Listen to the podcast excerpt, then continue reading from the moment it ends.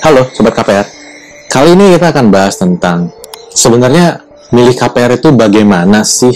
Kan banyak nih yang sharing gitu. Kalau milih KPR tuh gampang, tinggal dibandingin aja mana yang bunganya paling murah, mana yang biayanya paling murah. Yaitu benar, kalau memang kejadiannya kita dapat penawaran yang sama dari berbagai bank, tapi bunganya beda Nah, itu ideal banget. Karena kita dapat misalnya kita ngajuin KPR 500 juta gitu dan kita dapatnya 500 juta juga nih dari bank A, B dan C gitu. Wah, itu sih enak dan itu gampang banget untuk dilakukan karena tinggal menghitung bagaimana membandingkan antara bank A, B dan C. Mana yang paling hemat, mana yang paling ramah biaya sama kita. Itu adalah perkara gampang. Namun masalahnya adalah apakah setiap kali kita ngajuin KPR kita akan ketemu dengan kondisi yang ideal seperti itu? Sayangnya enggak. Malah dalam banyak kasus, pada saat kita ngajuin KPR, bisa jadi nih, kita ngajuinnya 500 juta, tapi cuma disetujuin 300 juta. Atau cuma disetujui bahkan cuma di 250 juta. Nah, kalau kayak begitu kan bagaimana nih? Saya izin kasih Sedikit contoh yang sering kejadian nih di saat kita mengajukan KPR ke beberapa bank sekaligus. Bisa jadi Bank A memberikan persetujuan 300 juta dari yang kita ajukan 500 juta. Tapi Bank A ini bunganya paling top gitu. Bunganya cuma 3 persenan gitu.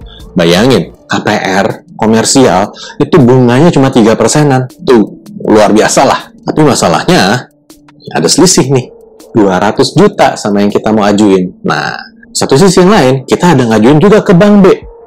Nah, Bank B ngasih sesuai dengan yang kita mau. Kita ngajuin 500 juta, disetujuin 500 juta. Tapi masalahnya adalah bunganya. Waduh, ini bikin garuk-garuk kepala sih. Dia kasih di angka 8%. Jauh tuh agak bumi langit ya sama si Bank A. Bank A itu bunganya di 3%, ini bunganya Bank B di 8%, beda 5%. 5% itu mungkin kalau dari angka 5 gitu, oh cuma beda 5 gitu. Kesannya kecil gitu, tapi ya 5% itu kan dikali apa? Dikali dengan pokok pinjaman kita. Nah, kalau kalinya dengan ratusan juta jadi gede juga. Atau tiba-tiba ada bank yang lain lagi nih yang kita coba ajuin juga. Dia ngasih plafon sesuai 500 juta sesuai dengan yang kita ajukan. Bunganya lebih ramah daripada Bank B kasih di 6% tapi bedanya adalah jangka waktunya dikunci sama si Bank C. Jangka waktunya kamu harus ambil 20 tahun. Nah sedangkan di Bank A dan di Bank B kita diizinin bisa ngambil jangka waktunya 15 tahun. Nah, gimana nih? Mesti milih yang mana? Nah, ini saya juga sejujurnya nggak bisa langsung jawab di sini karena kalau saya jawab di sini kesannya ini jadi kayak generik, kayak rumus yang oh semua orang bisa gitu.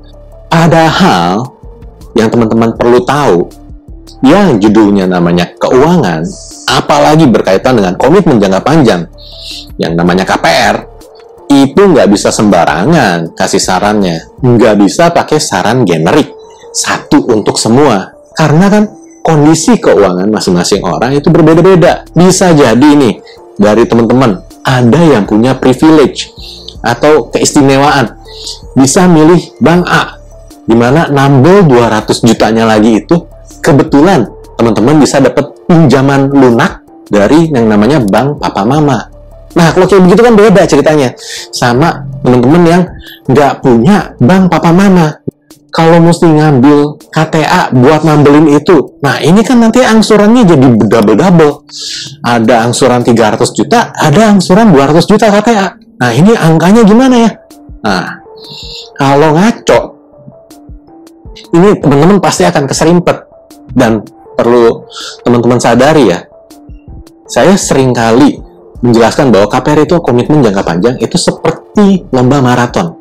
Itu lari jarak panjang. Nah, kalau keserimpet di depan, jatuh, itu lari lagi ke yang sisanya itu masih berasa sakitnya. Nah, jadi nggak bisa yang namanya saran itu diberikan generik satu untuk semua. Nah, kalau kebetulan teman-teman ada nonton konten-konten uh, yang dibuat oleh kreator lain gitu, bisa jadi mereka memberikan gambaran sesuatu yang sederhana gitu. Kesannya one fit for all. Tapi apa yang kami sarankan di sini adalah berdasarkan pengalaman kami di mana kami sudah melayani banyak sekali customer dan beragam sekali pengajuan itu kami melihat bahwa kebutuhan orang berbeda-beda dan itulah sebabnya pada saat menentukan pilihan mau ambil bank A, B atau C itu kembali lagi harus dilihat dari kondisi keuangan pribadinya dan kondisi-kondisi keuangan di sekelilingnya dari keluarga tersebut. Karena yang namanya soal uang, itu antar orang, walaupun gajinya sama, bebannya bisa jadi beda. Makanya jangan terima saran yang sifatnya generik dan langsung jalanin seperti itu. Itu bisa bahaya buat teman-teman.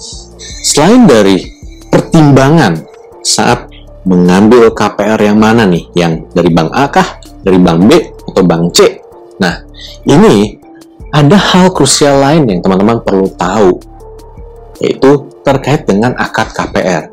Karena setelah kita melakukan akad KPR, itu nggak bisa dibatalin. Jadi karena tahapan ini penting, teman-teman perlu tahu, emang pada saat akad KPR itu kita ngapain aja sih? Apa aja yang perlu kita perhatikan di dalam perjanjian KPR? Dan hal apa yang mungkin terjadi selama proses akad KPR itu? Nah, saya sarankan teman-teman cek video berikut ini.